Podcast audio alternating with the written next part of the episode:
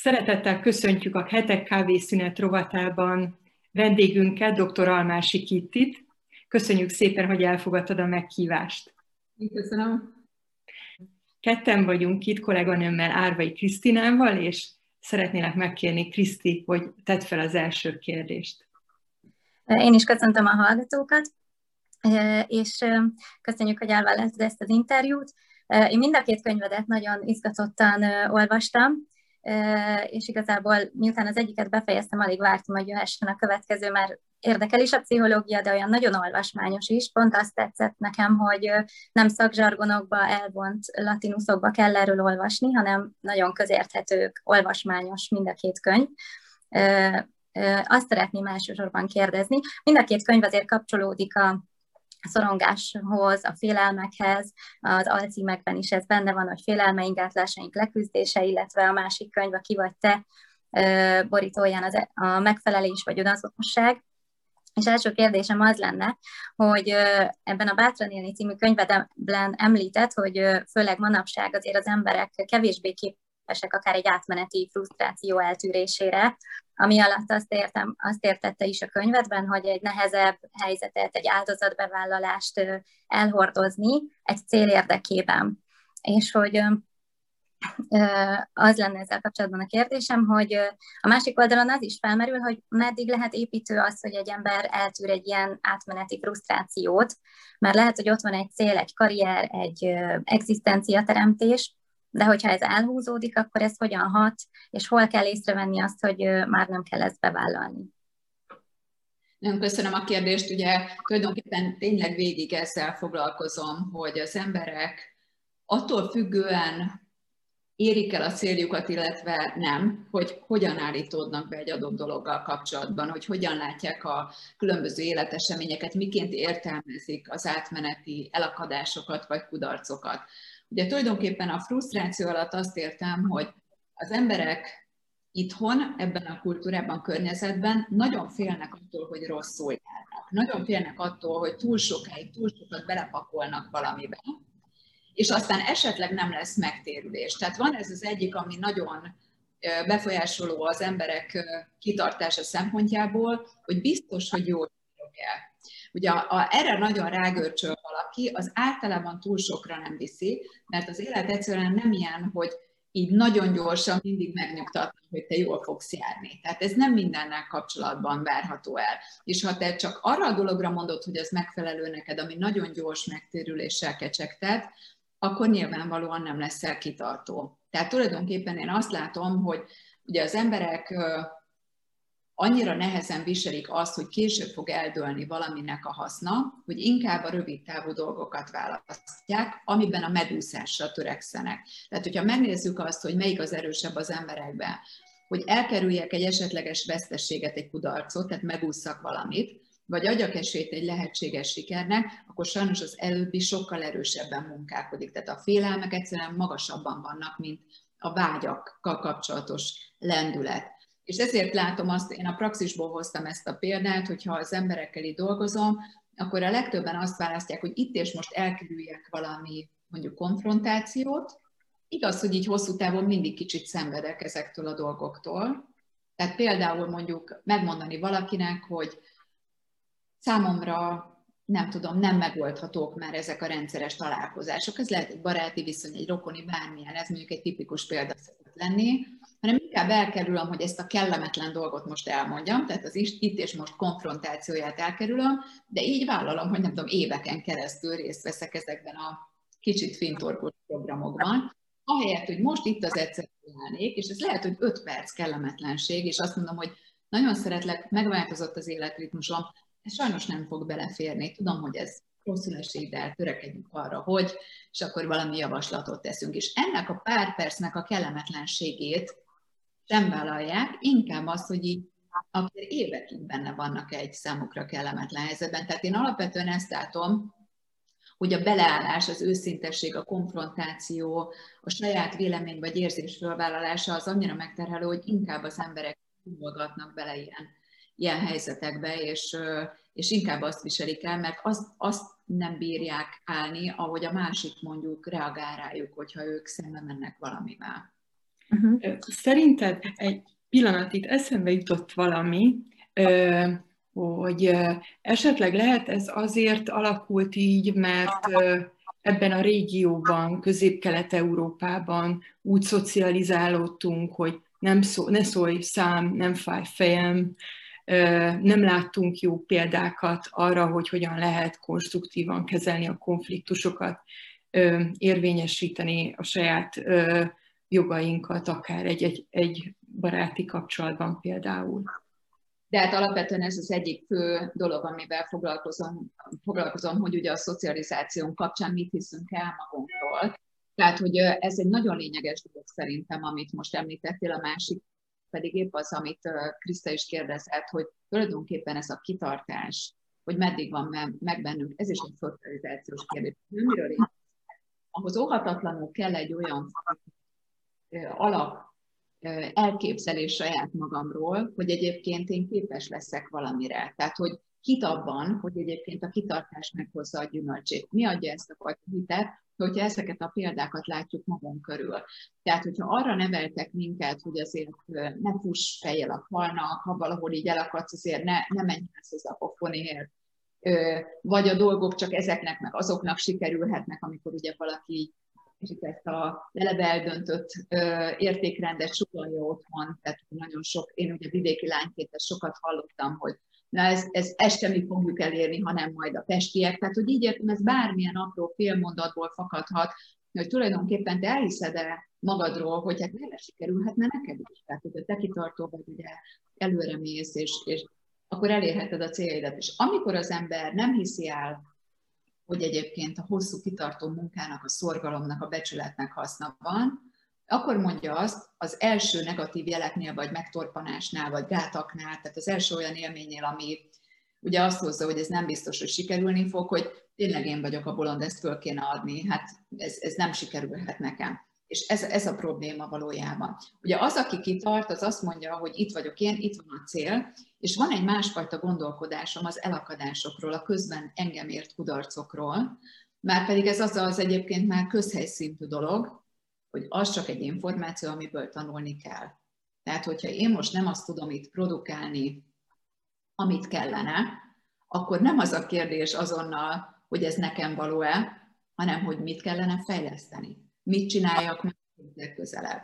Tehát így értem a dolgot, hogy tulajdonképpen azt kell az embereknek nagyon elfogadni, hogy erről a pontról hogy ide eljussak, nem egy egyenes vezet. Tehát nem, nem az a siker útja, hogy minden egyes nap egy lépcsőfokkal följebb vagyok, és közelebb kerültem a célomhoz, mert ez nem realisztikus. Én tényleg egyetlen sikeres embert sem láttam, akikkel volt szerencsém dolgozni, hogy így minden nap egyre sikeresebbek lettek. Tehát nem volt olyan élettörténet, amiben ne lett volna benne sok ilyen hullámvölgy. Tehát, hogy lehet, hogy innen úgy jutott el, hogy így, ilyen kilengésekkel az illető, lehet, hogy annak az átlaga az adott egy de azért a kilengések, a szórás az elég nagy volt minden esetben. És ugye épp azok az emberek viszik aztán sokra, most bármiben itt nem csak üzletről beszélünk, hanem bármiféle kiteljesedésről, ami nem feltétlenül egy zajos dolog, vagy nem pénzben, vagy nem tudom, követőkben mérhető, hanem hogy azon az úton az jutott el, aki ezeken a mélypontokon ezen gondolkodott, hogy mit kellene megváltoztatnom, mit másképp, nem pedig magát az egész célt kérdőjelezte meg. Igen.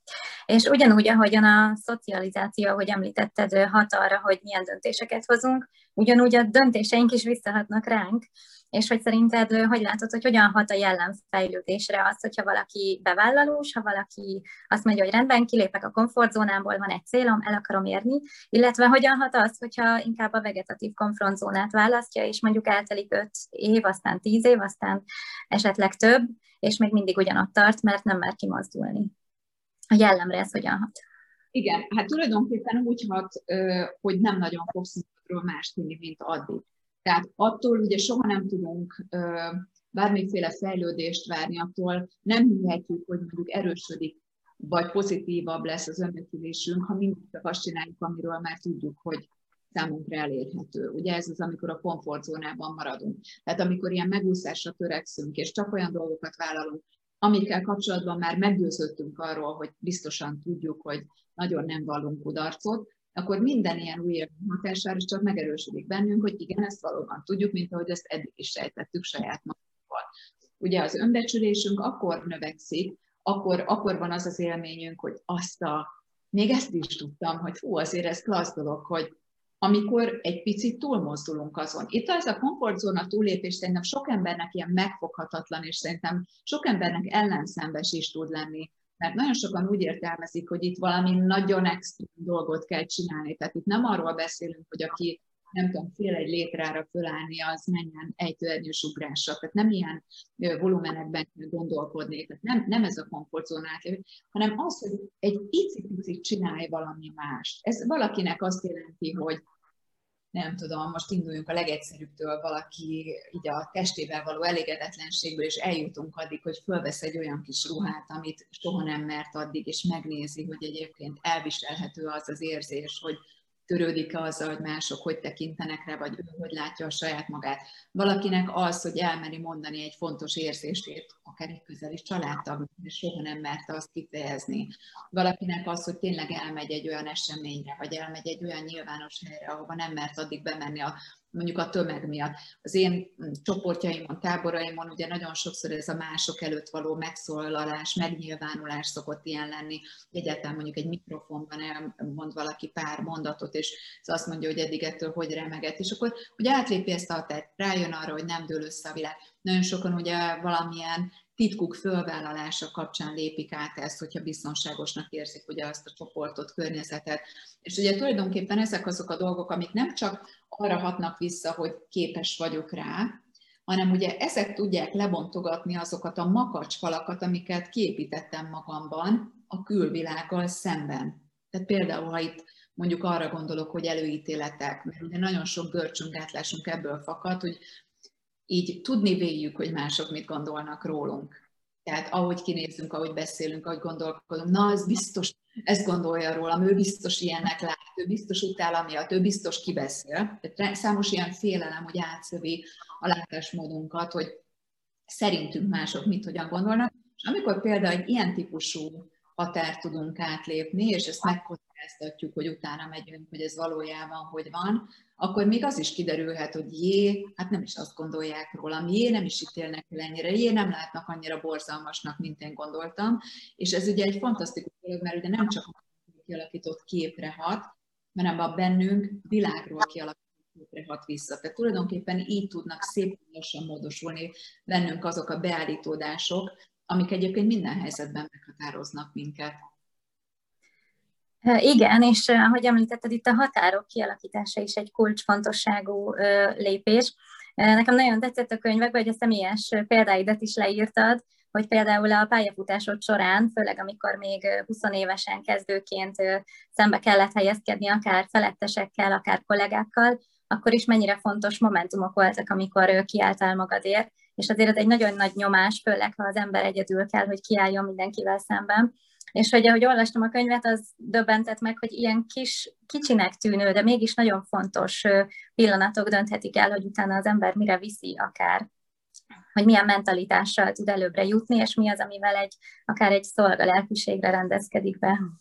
Hát tulajdonképpen ez a példa, én gondolom, hogy arra utalsz, amikor például a fénymásolás és hasonló munkákat ugye egy idő után visszautasítottam. Igen, az azért volt nagyon lényeges, mert akármennyire bagatelnek tűnik maga a téma, tulajdonképpen az egyik legfontosabb mag problémáról szól, hogy mennyire rettegünk attól, hogy nem szeretnek és én azt gondolom, hogy alig ha van kivétel ebben kapcsolatban, tehát hogy most nyilván mindig sokfélék vagyunk, tehát olyan szabály nincs, ami mindenkire érvényes, de azt mondhatom, hogy ez az egyik legáltalánosabb dolog, hogy elképesztően vágyunk arra, hogy szeressenek minket. Különösen, ha bekerülünk ugye egy új környezetbe, akkor azért általában próbáljuk azt az arcunkat mutatni, amivel valahogyan tudjuk ezt alakítani, hogy kedvesebb vagyunk, többet vállalunk azért, hogy ugye segítőkésznek tűnjünk, tehát hogy szimpatikusak legyünk. Nyilván az azért volt valóban egy kiemelt dolog, mert, mert tényleg azért bekerülni az első ilyen igazi munkahelyre, egy kialakult közösségbe, ami,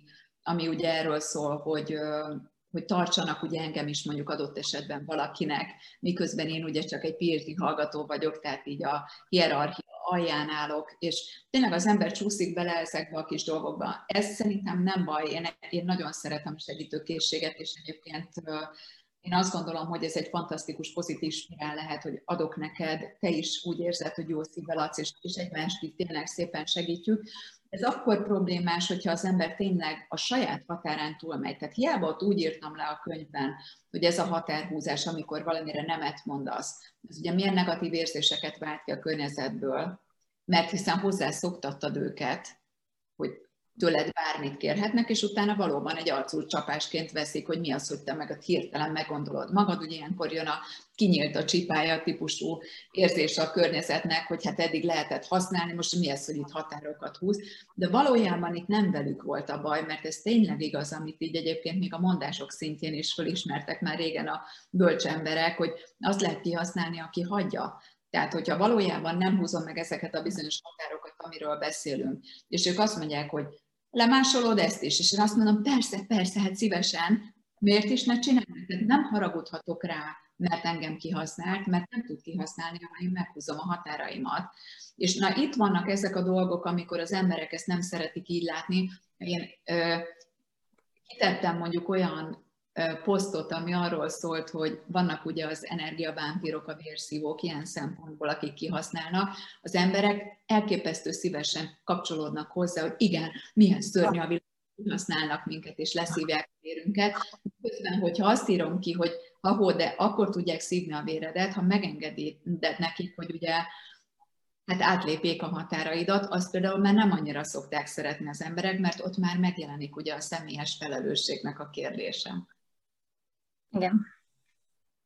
A következő kérdésem az inkább így a válságkezelésre vonatkozik, hogy ugye most ugye a COVID miatt azért elég aktuális ez, hogy egy krízisben milyen alapanyaggal kell úgymond rendelkeznie ahhoz egy embernek, hogy, hogy abból tényleg építkezni tudjon, mert van, aki úgy áll egy válságban, hogy csak azt látja, hogy katasztrófa, és hogy hogyan lehet tényleg pozitívan építve kijönni, illetve van-e olyan krízis, amiből nem lehet pozitívan kijönni. Hát ugye nagyon széles a, a krízisek skálája, ha most itt a Covid-ot nézem, én azt gondolom, hogy végtelenül tanulságos volt. Egyébként többek között ezt lehet belőle tanulni, hogyha valaki nem volt még valódi krízisben, és most először belekerült, hogy megismerje magát, hogy hogy reagál egy krízisre. Ilyenből többet tapasztaltam, több ilyen történetet hallottam. Most itt gondolok arra, hogy valódi krízis, hát nyilván a, a, a legszomorúbb és legdurvább az az, hogyha a környezetében lévő embereket egészségileg érintette ez a dolog, netán veszteségekkel járt ez az időszak. Az a legmélyebb pont. Ha azt a részét veszük, hogy üzletileg, anyagilag, vagy konkrétan elvesztette a munkáját, át kellett struktúrálni az életét, családot megoldani, ugye ez amikor nagyon sűrűsödtek, hogy gyerekkel tanulni, home office, megoldani, hogy lehet a lakásban külön is lenni, együtt is. Tehát ezek a típusú dolgok, ezek inkább építőek voltak, még akkor is, hogyha krízist hoztak, mert ugye vagy arra készítették az embereket, hogy valamilyen megoldást találjanak egy ilyen helyzetben is, tehát óhatatlanul megmozgatták az erőtartalékokat, vagy eljutatta őket addig, hogy mondjuk megélik a tehetetlenséget. A tehetetlenségre kevesen mondanák, hogy hú, de nagyon klassz dolog, pedig egyébként ebből nagyon sokat lehet tanulni, hogy vannak helyzetek, amire nincsen azonnal megoldó kulcsod, már pedig a COVID pont ezt hozta a legtöbb esetben, mert itt aztán nincsenek kidolgozott stratégiák, és hogy azt megnézni, hogy hogy reagálok egy ilyen helyzetben, és hogyha valaki abban mondjuk összeomlott, jött mondjuk egy pánikbetegség, ami viszonylag gyakori volt, hogy ugye valamilyen szorongásos korkép is kialakulhatott, vagy egy hangulati hullámzás, akkor például valakinek az önmagában szembeni elfogadást és gyengétséget kell gyakorolnia. Lehet, hogy ezt nem és most fogja hogy mondjam, teljesen így rögzíteni magában, hogy jaj, de jó, hogy gyakorolhattam ezt magammal kapcsolatban. Nyilván ez egy hosszú folyamat, nyilván könnyebb, hogy esetleg ebben kapott valamilyen segítséget valaki, de hosszú távon szoktuk ezekre azt mondani, hogy mégis azt, hogy ezt valahogyan átvészeltem, túlértem, abban megtanultam magamról valamit. Az, amikor mondjuk olyan veszteség ér valakit, hogy ha most a Covid-ra gondolunk, hogy tényleg valami, valaki szeretét elvesztette, az azért a nehezebben földolgozható, különösen azért, mert itt nem, nem hétköznapi veszteségekről beszélünk, hanem egy olyan valamiről, amiben számos embernek a, az együttműködése, az elővigyázatosság, a döntések, minden így egyvelekként ott van az emberek fejében.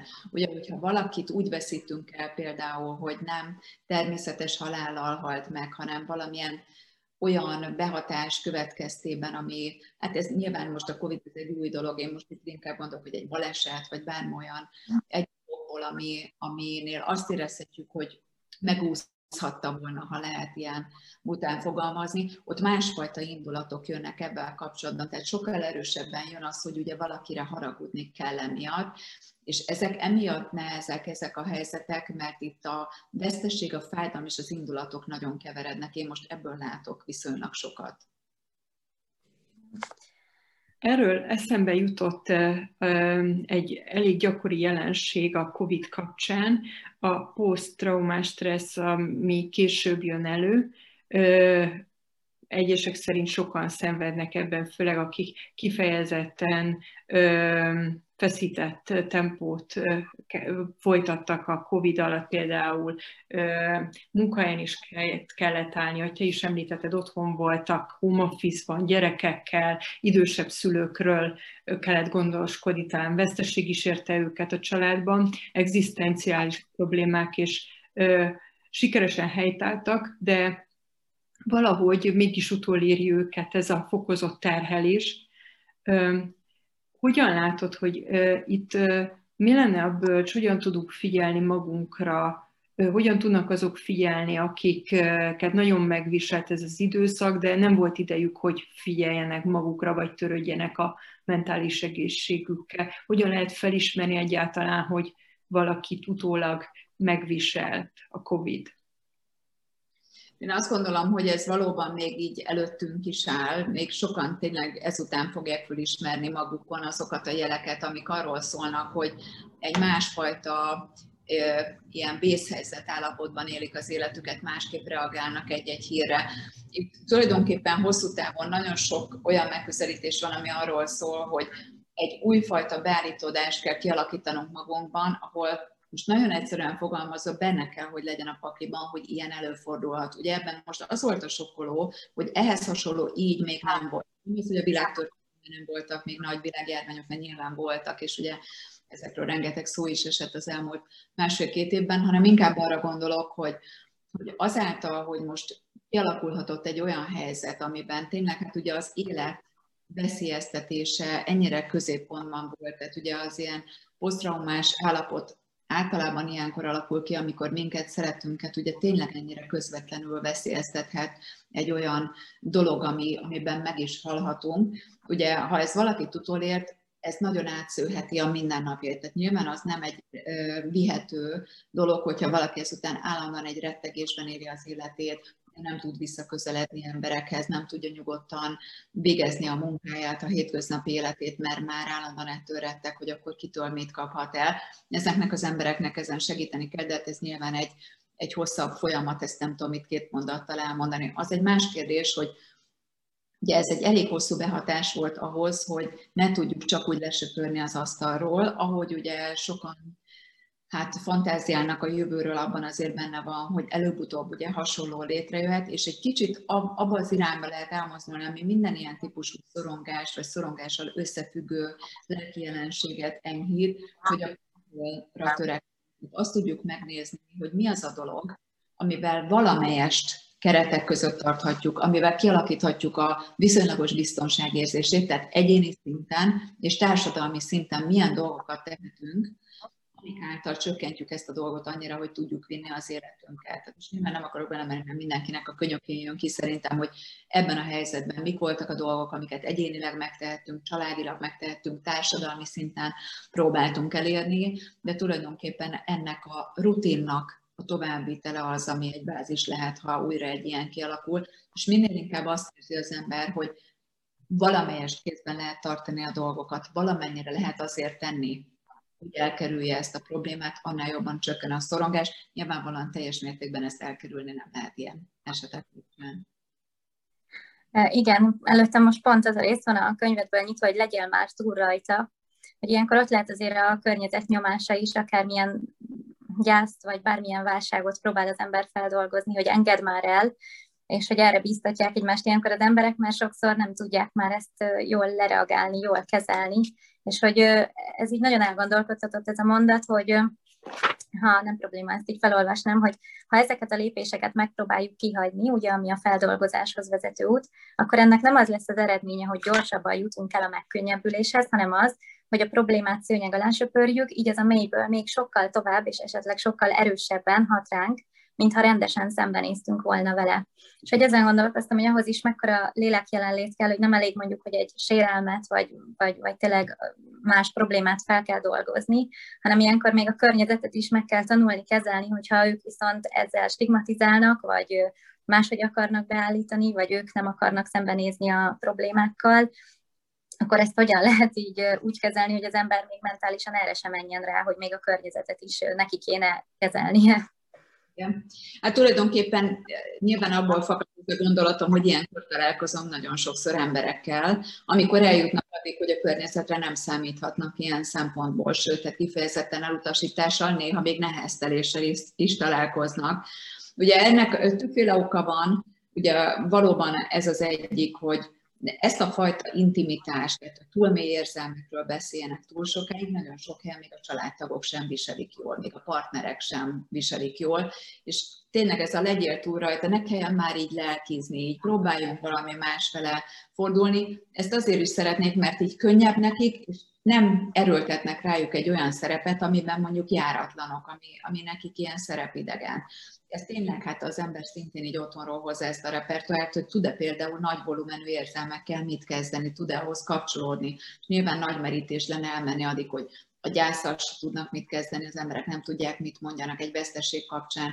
Ha valakit egy kudarcért, számos alkalommal jelzem, hogy például ne sajnálkozzanak, mert a sajnálkozás mennyire gyengítő dolog, és mégis milyen gyakran mondják. Tehát valaki azt mondja, hogy nem tudom, kirúgtak, vagy szakítottak velem, hogy bármilyen ilyen nehézséget, ó, szegény, hú, ez azért nagyon rossz lehet. És akkor mindig azt mondom, hogy mit várunk ettől, hogy ettől hogy érezze magát az illető, tehát ettől még a tehetetlenség érzését fokozzuk a másiknak. És akkor sokan kérdezik, hogy oké, okay, de mit kell tenni, és akkor mindig próbálom jelezni, azt kell tenni, hogy próbáljál vele egy idő után. Először mindig ülj vele ott, a kezét, vagy öleld el, tehát nem kell állandóan okosnak lenni és mondani valamit, de utána, amikor később már az szeretne erről beszélni, beszélgetni, akkor abban tudsz a legtöbbet segíteni, amit egyébként egy szakember is próbál, hogy próbáljunk más oldalról ránézni erre az egészre. Ugyanúgy, mint előbb, ahogy beszéltünk a kudarcról. Tehát rá lehet úgy is nézni, hogy ez egy nagy pofon, egy jel arra, hogy rossz úton haladsz, rá, rá lehet nézni úgy is, hogy ez egy segítség arra vonatkozóan, hogy valamit próbálj meg másképp csinálni.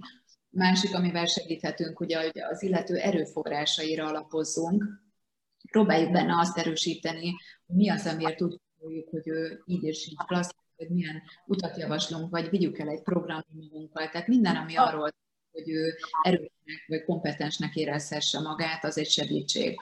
De nyilvánvalóan, hogyha valaki mindenhonnan lepattan az ő érzéseivel, és már itt terhessé válik a környezet számára, ha ő mer gyászolni, vagy mer kiborultnak lenni, vagy szomorúnak, vagy bármilyennek, akkor vagy arra jut, hogy na, ezek szégyenteljes, vagy titkolandó érzések, és inkább magába visszafordul, magára marad, vagy adott esetben fölkeres egy, egy szakembert, olyan is van, aki nem tudom, csoportokban, tehát például önismereti csoportokban, vagy zárt, mondjuk ilyen online csoportokban találják meg azt az elfogadó közeget, ahol értik, hogy miről beszélnek, és ott megnyílhatnak még ehhez az jutott eszem, hogy mi van akkor, hogyha pontosan mondjuk egy sérelem van, és akár a sértő fél mondja azt a sértetnek, hogy legyél már túl rajta.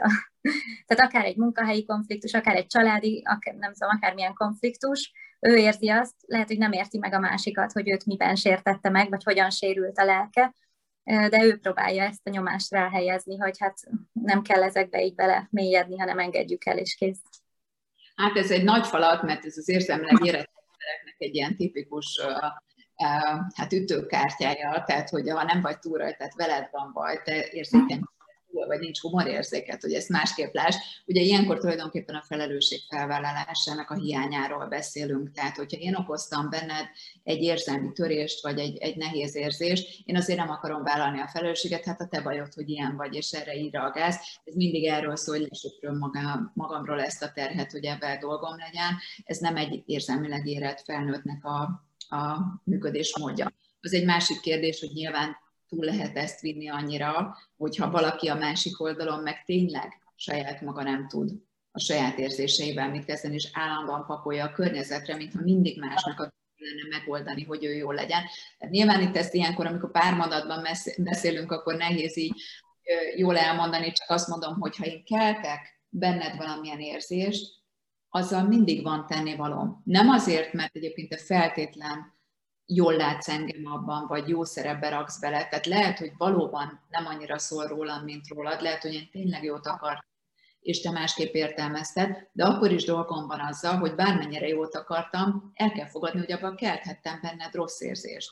Az egy másik kérdés, hogyha én ebben mindent megteszek, és próbálok odaadni hogy ezt enyhítsen benned, utána te fél év múlva már nem kopogtathatsz mindig ugyanezzel, hogy tanul. Tehát azért mondom, valahol így a kettő között, én azt gondolom, hogy egy helyzetben, ahol érzelmek keletkeztek a két félben, ott mind a két félnek van a dolga, és ezt nem lehet így lesöpörni. Még az lenne a kérdésem, hogy ahogy így olvastam a könyvet, azon gondolkoztam, hogy hogy hogy lehet így minden helyzetre ennyire tudatosan reagálni. Nyilván ez egy munka, de hogy így, hogy, tehát hogy ezeket a pszichológiai képességeket, vagy nem tudom, ezeket a viselkedésbeli tudatosságokat hogyan lehet így elsajátítani, hogy az ember így folyamatosan tanuljon magáról is, és közben tudja, hogy a környezete számára is egyre egy érzelmileg érettebb felnőttként tudjon viselkedni. Tulajdonképpen ez a legnagyobb szívügyem, amit próbálok képviselni, és köszönöm, hogy a felvezetésben ugye elhangzott ez, hogy talán közérthetőek a könyvek, és tényleg nem a szakmaiság az a része dominál benne, ami arról szól, hogy kirekeszteni az emberek egy részét, mert mondjuk érthetetlenül fogalmazni. Én tényleg azt gondolom, hogy az egyszerűség, természetesség a legfőbb üzenetem, amit próbálok így átadni az előadásokkal, a könyvekkel, mindenféle tartalommal, mert tulajdonképpen, hogyha megnézzük, akkor azt gondolom, hogy ez a legjobb vívőanyag két ember között. Hogyha nem játsszuk meg magunkat, hogyha nem akarunk többnek tűnni, hogyha egy előadáson úgy beszélünk, mint ahogy egymással beszélgetnénk egy kávé mellett, hogyha egy könyvet úgy írunk le, mintha elmesélnénk egy társaságnak egy érdekes gondolatsor. Tehát, hogy nem kell ilyen előadósan, ilyen magas lóra, vagy hogy mondjam. És tulajdonképpen ez a fajta természetesség, amit nagyon remélem, hogy sikerül képviselni, amikor előadok, bár most már kaptam visszajelzéseket, hogy amikor videókat veszek fel így egymagam, akkor ez nem sikerül annyira, tehát hogy sokkal merevebbnek tűnök mondjuk, amikor készítek egy YouTube videót, Valószínűleg azért, mert nem, ott ül, nem ül ott senki velem szemben, hanem csak egy ilyen telefont látok, de szóval, hogy, hogy ez az, ami legközelebb visz ahhoz, hogy a leghitelesebb legyél. Tehát a, amikor mondjuk tartok egy csoportot, vagy egy táborban, most friss élményem van, és ugye ez a kérdés ö, tulajdonképpen elhangzik. Általában avval jársz a legjobban, ha azt mondod ki, amit érzel. Minden, ami azon túl van, az már egy ilyen gondolkodásnak az eredménye. Tehát itt most gondolok arra, hogyha ott valamilyen élmény ér téged, és azt láttam, hogy azok az emberek izgulnak, görcsölnek, botladozik a nyelvük, akik folyamatosan azon gondolkodnak, miközben beszélnek, hogy hogy legyen az még meggyőző, még ütősebb, még okosabb tűnő. Tehát amikor így rákerül egy olyan fajta gondolkodás, ami már arról szól, hogy vajon mások mit gondolnak rólam, ha így vagy úgy fogalmazok, vagy mivel lehet ütősebb hatást gyakorolni, szerintem ezek nagyon félrevezetők. Minél egyszerűbben csak figyeled magad, hogy milyen érzés van benned, és minél közelebb kerülsz ahhoz, hogy amit érzel, azt ki is mondhatod, mert ahhoz van jogod, az nem bántó, ugye, de akkor csak arról beszélsz, amit te érzel, tehát nem a másikat minősíted, az tulajdonképpen egy olyan oldottságot ad, amitől jól fogod magad érezni.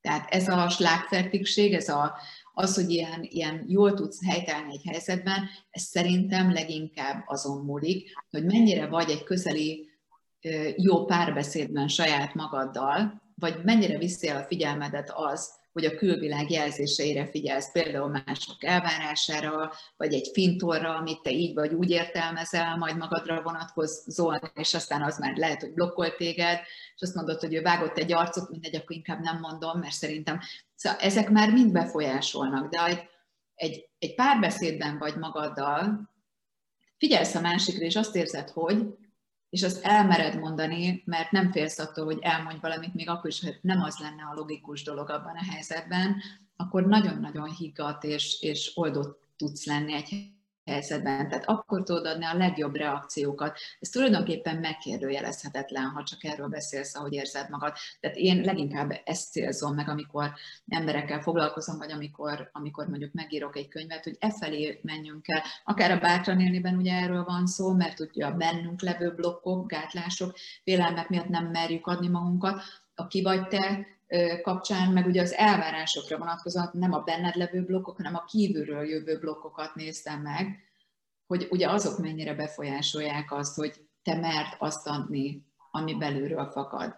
És ugye a belső blokkot és a külső blokkot megkerüled azáltal, hogy egyszerűen csak megnézed, hogy mi jönne belőled, ami egy ilyen figyel, ez egy gyakorlás következtében alakul ki, hogy minél többször figyeled magad. Valaki csak elkezdi figyelni a gyomrát, a gombócérzést, bármilyen, de tudod magadról, hogy mikor vagy úgy jól, mikor simulnak ki a mindeneid, az idegszálaid, mikor van az, hogy valamiért azt érzed, hogy megfelelésként. Ezeket fantasztikusan lehet használni egy emberi kapcsolatban, és hogyha ezeket itt tényleg jól tudod hasznosítani, a másik is épül belőle, mert nem, nem terhelni fogod ezzel az illetőt, hanem közelebb kerültök valamihez, ami fontos. Igen. Viszont ha valaki ezt most úgy hallgatja, hogy az asztalra csap, hogy na, akkor ami a szívemen a számon eddig is ezt csináltam ilyen, akkor azért ez nem erről szólt, hanem arról, hogy, hogy egy reflektálás önmagunkra, de nem a harsányság és a mások sértegetése. Igen, ez nagyon érdekes, ezt köszönöm, hogy mondod, mert hogy ez a leggyakoribb félreértés ilyenkor, tehát hogy nagyon sokan ezt a gondolatsort arra használják, hogy hogyan lehetnek bántók, nyersek, minősítők egy adott helyzetben, amikor erről szó nincs. Tehát ugye azért is hangsúlyozom mindig, hogy a saját érzésedről beszélj. Tehát amikor, tehát ugye van például egy zárt csoportom, ahol nem lehet minősíteni és akkor azt mondjuk, hogy fogadjuk el a másik embert, hogy olyan, és nem tudom, és akkor valaki elkezd minősíteni, és azt mondja dühösen, amikor mondjuk a moderátorok mondják, hogy így kiteszik a csoportba, hogy adnak egy figyelmeztetést, hogy na csodálatos elfogadás, és akkor nem mondhatom, amit érzek. Nem. Az, hogy szerintem te gáz vagy, ez nem egy érzés, ugye? Az elég erősen egy kritika. Tehát ezért mondom, hogy azért azt érdemes megnézni, hogy amire azt mondjuk, hogy hát ez csak az érzésem, az most egy másikra vonatkozó minősítés, vagy valóban egy érzés. Az illető azt mondja, hogy bennem feszültség keletkezik, amikor hallgatlak. Az nem minősítés, mert az nem is feltétlen szól a másikról. Lehet, hogy szól róla, de lehet, hogy nem. Lehet, hogy a másik bármilyen lehet, akkor is feszültség keletkezik benne. Tehát abban még nem minősítettünk, mert nem döntöttük el, hogy az ilyen értelemben kinek a sara. De a minősítés semmiképpen nem sarkal az én mondani való, mert még egyszer mondom, ott nem magaddal folytatsz párbeszédet, hogy te hogy vagy, hanem keresel egy bűnbakot, hogy megmagyarázd, hogy miért vagy úgy. Tehát az egy egészen más tudatossági szint lenne.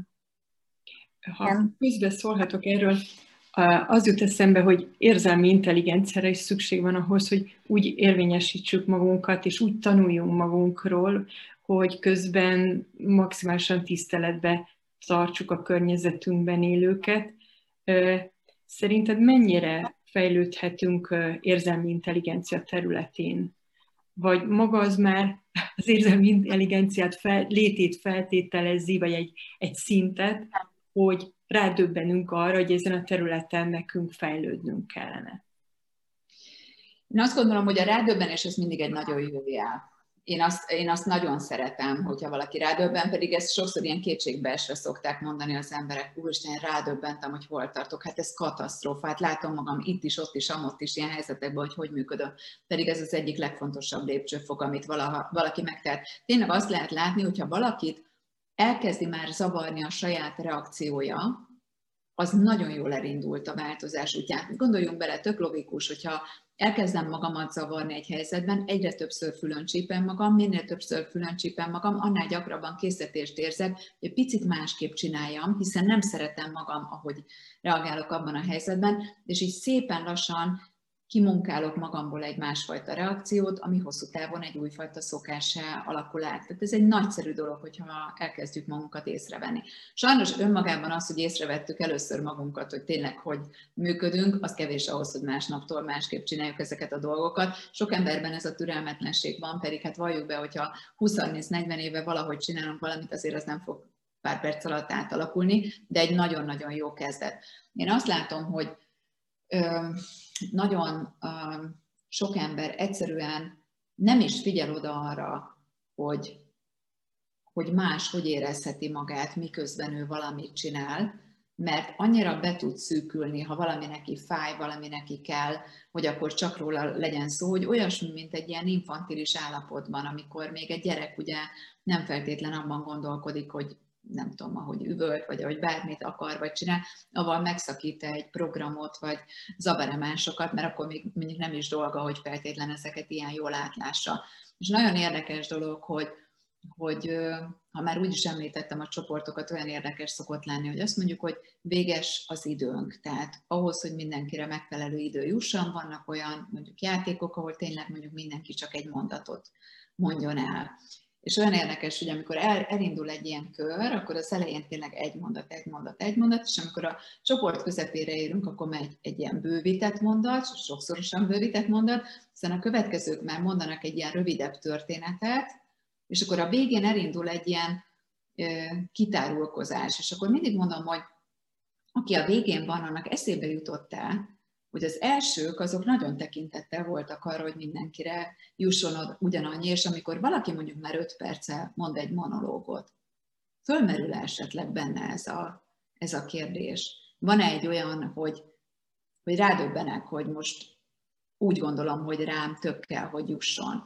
És ez nem baj, ez nem, nem, nem úgy szokott így, nem ebben a formában hangzik el, mert nyilván így valaki akkor nagyon rosszul érezné magát, vagy elszégyelné magát, és nem ez a cél, hanem hogy ezt mindig hozzuk valahonnan. Például sokszor ö, azt mondják ilyenkor emberek, amikor erre rádöbbennek, hogy soha senki nem figyelt rájuk, és akkor egyszerűen eljutnak egy olyan környezetbe, ahol végig, végre figyelnek, és azt ki akarják így használni azt a helyzetet, hogy végre jöjjön, jöjjön ez a figyelem, foglalkozzatok most velem. De ugye ez mégiscsak egy ilyen gyermeki állapot, ami, amiben mások ilyen értelmen rosszul járnának, és nagyon sokszor például ez lesz az a kulcsinformáció, az a gócpont, amivel tudunk dolgozni, és föl tudunk göngyöríteni, ez nyilván egy konkrét példa most a fejemben, föl tudunk göngyöríteni egy olyat, hogy vajon miért alakultak úgy a párkapcsolatai az illetőnek, miért hagyták el. És tulajdonképpen megjelent mondjuk mindegyikben, hogy sok voltál. És nem tudta értelmezni, hogy mi az, hogy sok, mert mindig arra jutott, hogy na, őt sem érdeklem eléggé, ő se szeret ennyire, hogy kíváncsi legyen rám, ugye vitte ezeket az elakadásait, a félelmeit, hogy ugye miért történik ez meg, és amikor átfordult benne, hogy lehet, hogy azért, mert őt használtam arra, hogy bepótoljam azt az összes gyermekkori figyelmet, amit nem kaptam meg a megfelelő személyektől, akkor el tudom fogadni, hogy ő ezt egy idő után nem bírta, és lerázta magáról ezt a terhet, és elmenekült tőlem. És ez egy fantasztikus belátás ilyenkor. Most tudom, hogy ha valaki ezt hallgatja, mondhatná, hogy hú, hát aztán biztos nagyon örült, hogy erre rájött. Igen, örült. Tehát az, amikor meg tudod ragadni, hogy miért úgy történtek veled dolgok, meg, meg tudod érteni a másik embert, mert átültél egy picit a székébe, hogy neki miért lehetett nehéz veled, akkor hirtelen ugye mi a jobb ebben, hogy kontrollálhatóvá, követhetővé válnak az események. Ugye egészen addig, ha nem érted, hogy miért történnek veled, addig végtelenül szorongsz, mert azt hiszed, hogy a dolgok csak így jönnek és történnek, abban olyan kiszolgáltatott vagy, abban nincs kontroll a kezedben, és azt mondod, hogy mert ilyen az élet, vagy mert ilyen ilyenek az emberek, mert már nem lehet senkiben megbízni, vagy már vége a tartós párkapcsolatoknak, tehát bármire jutsz, az nem lesz olyan, hogy tudnál érte valamit tenni, és amikor egy ilyen kiderül, hogy ha átülök a másik székébe, talán megértem, hogy mi lehetett velem nehéz, hát akkor az is kinyílik az az ajtó, hogy akkor tudom, hogy mit tehetek másképp. És erre mondom, hogy attól, mert valaki erre rájön, nyilván nem másnaptól lesz olyan, hogy rögtön egyforma teret enged a másiknak, de elkezdi észrevenni, például a csoporton volt olyan, hogy a következő alkalommal, jaj, jaj, már érzem megint a harmadik mondatot mondom, úgyhogy befejeztem, és ez annyira bájos volt, kedves volt, és erre mondtam, hogy na ez az, amire azt mondom, hogy elindult. Elindult valaki a változás útján, mert amikor ezt észrevette, ezt holnap is észrefogja, és azután is, és lehet, hogy néhány hét múlva már el se kezdi a második mondatot. Tehát ez, ez egy fantasztikus lehetőség fölismerni ezeket. Tehát, hogyha tanulunk magunkról, akkor, és az önismeretben fejlődünk, akkor gyakorlatilag a környezetünkkel is jót teszünk, és a, ki vagy te, jól mondom? Nem akarom. Igen, mindig az jut eszembe, hogy ki vagyok én. De, mert hogy önismeretről is szól zömében. Tehát a Ki vagy te című könyvedben írod, hogy nagyon sokat foglalkozunk azzal, hogy mások mit gondolnak rólunk, és kevésbé azzal, hogy mi a szívünk mélyen, mit szeretnénk, kik is vagyunk igazából. És ahogy így ezt írtad, bennem rögtön a közösségi média képe vetődött fel, hogy bizony ott is nagyon fontos az, hogy, hogy kifelé mutassuk magunkat, és szerinted ennek milyen köze lehet ahhoz, hogy, hogy nehéz fejlődni az embernek személyiségében, önismeretben, hogy folyamatosan ezek az impulzusok érnek bennünket? Ez, ez az egyik legnehezebb kérdés szerintem, mert valójában ez akkora torzító hatással bír, hogy nem is tudom, hogy felül lehet -e ezen kerekedni. Tehát a, a fiatalabb generáció annyira ebből kiindulva határozza meg a másik fajsúlyát, ha lehet így mondani, hogy nem tudom, hogy meg lehet állítani ezt a folyamatot. Tehát valójában ez a számok világa felé való eltolódás, a minőség helyett a mennyiség felé való eltolódás, amikor tényleg abban az illúzióban hiszünk, hogy a több az jobb, tehát a nagyobb nézettségű, a nagyobb számban érdeklődést kiváltó dolog az jobb, akkor az egy óriási baj, miközben nagyon régóta tudjuk, hogy egyébként a legnagyobb érdeklődést kiváltó dolgok azért nem feltétlenül a legminőségibb kategóriák, legyen szó tévéműsorról, vagy akár egy regényről, vagy bármi, vagy egy filmről, ami a legnagyobb kassza siker. Nem azt mondom, hogy néha nem kerülhetnek bele ebbe a kategóriába igényes dolgok, de azért Szóval nem feltétlenül a számokból indulnék ki, hogyha igazán igényeset keresnék. És ez szerintem nagyon torzítja az emberek látásmódját, mert most már a biztonságot is a visszajelzésekben keresik ugye az emberek. Tehát nem, hogy, hogy vonnánk vissza a környezettől ezt a fajta óriási meghatározó erőt és döntési lehetőséget, tehát hogy magyarul te döntsd le rólam, hogy én milyen vagyok, hanem egyre jobban mások kezébe adjuk. Tehát tényleg a közösségi felületeken gyakorlatilag most már csapatok döntik el, hogy kinek mi áll jól, milyen színű legyen a haja, vagy milyen ruhába öltözködjön, vagy milyen tevékenysége jó, és azt, azt vigye tovább. Nem azt mondom, hogy ennek nem lehet egy jó előrevívő, motiváló ereje, de azért nagyon sokszor tévút. Tehát amihez a legtöbben tapsolnak, az nem biztos, hogy azért van, mert az annyira nagyszerű. Én például számos ilyen dolgot látok online felületeken, hogy tulajdonképpen ahhoz tapsol a közönség, hogy valaki hajlandó magából bohocot csinálni. És ez például nagyon, nagyon szomorú szokott lenni. És az illető, hogyha azt szeretné ebben látni, hogy őt szeretik, akkor lájkokat fog nézni, vagy meglátja azokat a visszajelzéseket, amik előrevívők, de valójában ugye ez arról szól, hogy az emberek szórakozni akarnak például. Tehát, hogy nagyon-nagyon torzító ez a dolog. És tényleg azt gondolom, hogy, hogy ennyire kiszolgáltatni magunkat mások visszajelzésének, ez tényleg egy katasztrófa felé sodor minket, mert a végén már nem lesz egy, egy őszinte pillanat az embernek, aki ebben a világban él. Tehát, hogy, hogy nem fogja tudni eldönteni, hogy ő jól érzi magát úgy is, csak akkor, hogyha ezt leteszteli mondjuk a környezeten, gondolok itt azokra, akik minden pillanatukról mondjuk egy fotót készítenek és posztolják itt ott, ott hogy, hogy folyamatosan bizonyítsanak. Tehát úgy tűnik, mintha egy ilyen nagy visszajelzést vagy fogócót nyelnének ezáltal, én meg egyre kiszolgáltatottabbnak látom őket ilyen tekintetben. Tehát tulajdonképpen minél jobban mentesek vagyunk ettől, minél kevésbé erre hagyatkozunk, én azt gondolom, hogy annál, annál jobb az életünk. Tehát olyan érdekes dolog ez, hogy, mekkora értéket tulajdonítunk egy-egy ilyen felületnek. És pont ezen gondolkodtam mostanában sokat, mert nekem most ellopták a, a Facebook oldalamat, és ugye tényleg abban bele, benne volt, hát most 7 év munkája, ezt inkább úgy mondom, hogy valóban 7 éve elindítottam, és 7 éve azért, ha volt egy gondolatom, oda tettem ki, nyilván volt számos olyan dolog, amivel nem kell dolgoznom, tehát egy-egy programot ott osztottam meg, vagy a könyvekből egy-egy részletet. Inkább azt mondom, hogy kialakult 7 év alatt egy olyan közönség, közösség, akiknek a nagy része tudott együtt gondolkodni, és ez egy nagyszerű dolog volt.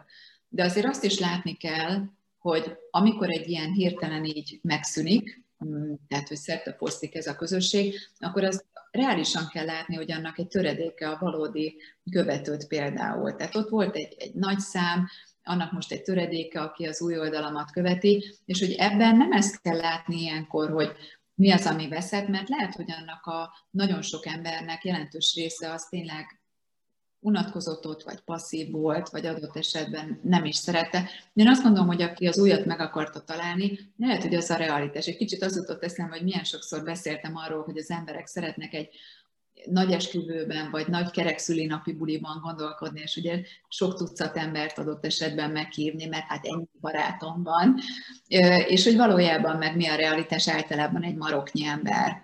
És hogy ezt, ezt gondolom ennek kapcsán is, hogy lehet, hogy az a kevés, az viszont egy olyan letisztultabb, valódi közösség, amiben érdemes gondolkodni, és hogy nem attól jobb valami, hogy több. Ezt, ezt valahogy is szem előtt tartani. Én azt gondolom, hogy ez egy nagyszerű dolog, hogy az ember néha kilépjen ezekből a terekből, hát akár így is kilép az ember, hogy ellopják tőle, amilyen volt, de akár úgy, hogy személyes döntés alapján egy kicsit kiiktatja magát ebből a környezetből, és megnézi, valaki például nagyon gyakran posztol magáról, hogy egy két-három hetet nem csinál ilyet, akkor mit érez, milyen szorongásai lesznek, mi az, amihez feltétlen kell a nagy közönség, hogy ő azt magáról úgy tudja hírni. Tehát egy nagyszerű ilyen önismereti munkát is lehet ezáltal folytatni, hogy mi van, hogyha egy ilyen mankót megvonunk magunktól. Én egyébként azt gyanítom, hogy hosszú távon még jobbak is vagyunk, jobban is érezzük magunkat anélkül. Vicces, hogy pszichológus, ja, bocsánat, csak vicces, hogy pszichológusként még ez is egy végül is hasznos tapasztalat lett, csak, csak negatív.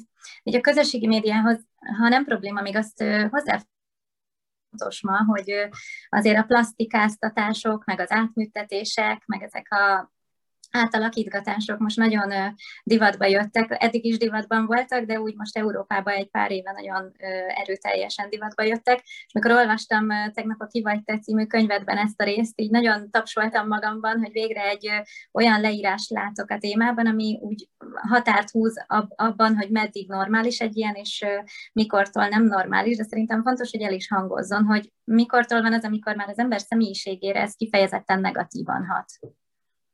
Igen, hát tulajdonképpen szerintem a határ minden kapcsán ugyanott van, hogy én tényleg azt gondolom, hogy teljes mértékben szeretek úgy élni, hogy elfogadjuk, hogy mindenki másképp érzi jól magát. És szerintem ebben nincsen senkinek se beleszólása, hogy megmondjuk, hogy ki hogy legyen jól. Tehát én abszolút el tudom fogadni, ha valaki ilyen eszközökhöz nyúl, hogy jobban érezze magát, vagy olyan eszközökhöz, vagy így festi magát, vagy úgy néz ki, vagy úgy produkálja magát mondjuk a közösségi oldalakon, hogyha ő attól érzi jól magát, annyiféle dologról szólhat ez, tehát tényleg sokkal könnyebb lenne itt elkezdeni fröcsögni, minősíteni, hogy jó, azok milyen gázok, akik ezt csinálják, azt csinálják, de azért mivel elég élettörténetet láttam mögötte, hogy miért érzi valaki, hogy arra az eszköztárra szorul, szerintem nem minősítsünk. Tehát, hogy ebben maximálisan így gondolkodom. Nyilván, amiért aggódom, az az, hogy tényleg ez elvisz embereket egy olyan irányba, amikor már a cél nem az, hogy nem tudom, a saját szépségüket kiemeljék, vagy egy kicsit optimálisabbnak, vagy kellemesebbnek jelenítsék meg magukat, hanem elmegy egy olyan irányba, hogy még az egészségem árán is. Tehát amikor már szinte bármilyen árat bevállalok azért, hogy valamilyennek tűnjek, hogy, hogy álljon meg a helyem egy olyan versenybe, ami szerintem irreális tehát, hogy gondolok itt erre, hogyha valaki olyan célral megy bele az ilyen nagyon durva plastikáztatós dolgokba, hogy nem tudom, a 20 évesekkel állja a versenyt, nem fogja tudni. Tehát egy csúnya kudarc élmény lesz a végén, és ráadásul mérhetetlenül egészségtelen, vagy akár veszélyeztető ránéz az egészségére nézve is, és ugye teljesen kifordulhat magából ilyen szempontból, hogy már csak ezen lesz a figyelme. Tehát én azért azt látom, hogy az emberi kapcsolatokban fontos a külső, én ezt nem tenném zárójelbe, mert nagyon menő dolog azt mondani, hogy a belbecs az mennyire fontosabb, mint a külcsény. Igen, hosszú távú kapcsolatban ezt így gondolom, csak el kell addig jutni. És valljuk be, hogy az első benyomás az, hogy válasszon valaki valakit, abban fontos, hogy egyébként valaki hát gusztusosan nézzen ki az kérdés, hogyha valaki teljesen átszabadja magát, és mert nagyon nem akar úgy kinézni, hogy valójában kinézne, az tud-e bármilyen harmóniát képviselni. És én ebben látom inkább a fő problémát, hogyha nagyon nagy bajom van magammal, és azért csináltatok mindent, magamon, hogy nehogy úgy nézek ki, hogy valójában, akkor én valójában nem szeretem azt, aki, való, aki vagyok, és lehet, hogy tökéletes külsőt fabrikáltak nekem, meg fölöltöztettek úgy, meg minden, ami a jelmez, ami a homlokzat, az látványos, csak mögötte van egy akkora probléma, akkora omlás, hogy amikor közelebb lép valaki, mert mondjuk az csinosnak tűnik, amit lát, akkor utána belül nem talál semmit, csak egy hihetetlen izzadságszagú megfeleléskényszer. És ezt mondom, hogy így az illető szinte ugye abba betegszik bele, hogy kelljen, mindent megtesz azért, hogy kelljen, de a végén mégis elutasítást kap, és még lejjebb kerül ebben a mocsárban, hogy nem kellek, és akkor lehet, hogy arra jut, hogy akkor még jobban át kéne alakítatnom magam. Tehát ez egy, ez egy igazi negatív spirál, ez egy lehúzó valami, aminek az alapja az az, hogy az illető nem hiszi azt, hogy szerethető úgy, ahogy van. És ezért megy bele ebbe a, ebbe a teljesen hát őt is veszélyeztető negatív spirálba, vagy ebbe az átalakulásba. Nagyon szépen köszönöm, ez nagyon elgondolkodtató, és hát látszik, hogy van miről beszélgetni otthon is, van mit olvasni, van miről gondolkodni, miben fejlődni, és nagyon köszönjük, hogy ebben segítettél nekünk, és ránk szántad az idődet ezen a meleg nyári napon. Még rengeteget kérdést tudnánk feltenni, úgy gondolom, Krisztivel együtt, de nem akarjuk rabolni az idődet, és nagyon szépen köszönjük ezt az interjút. Én köszönöm a lehetőséget, hogy ezeket elmondhattam.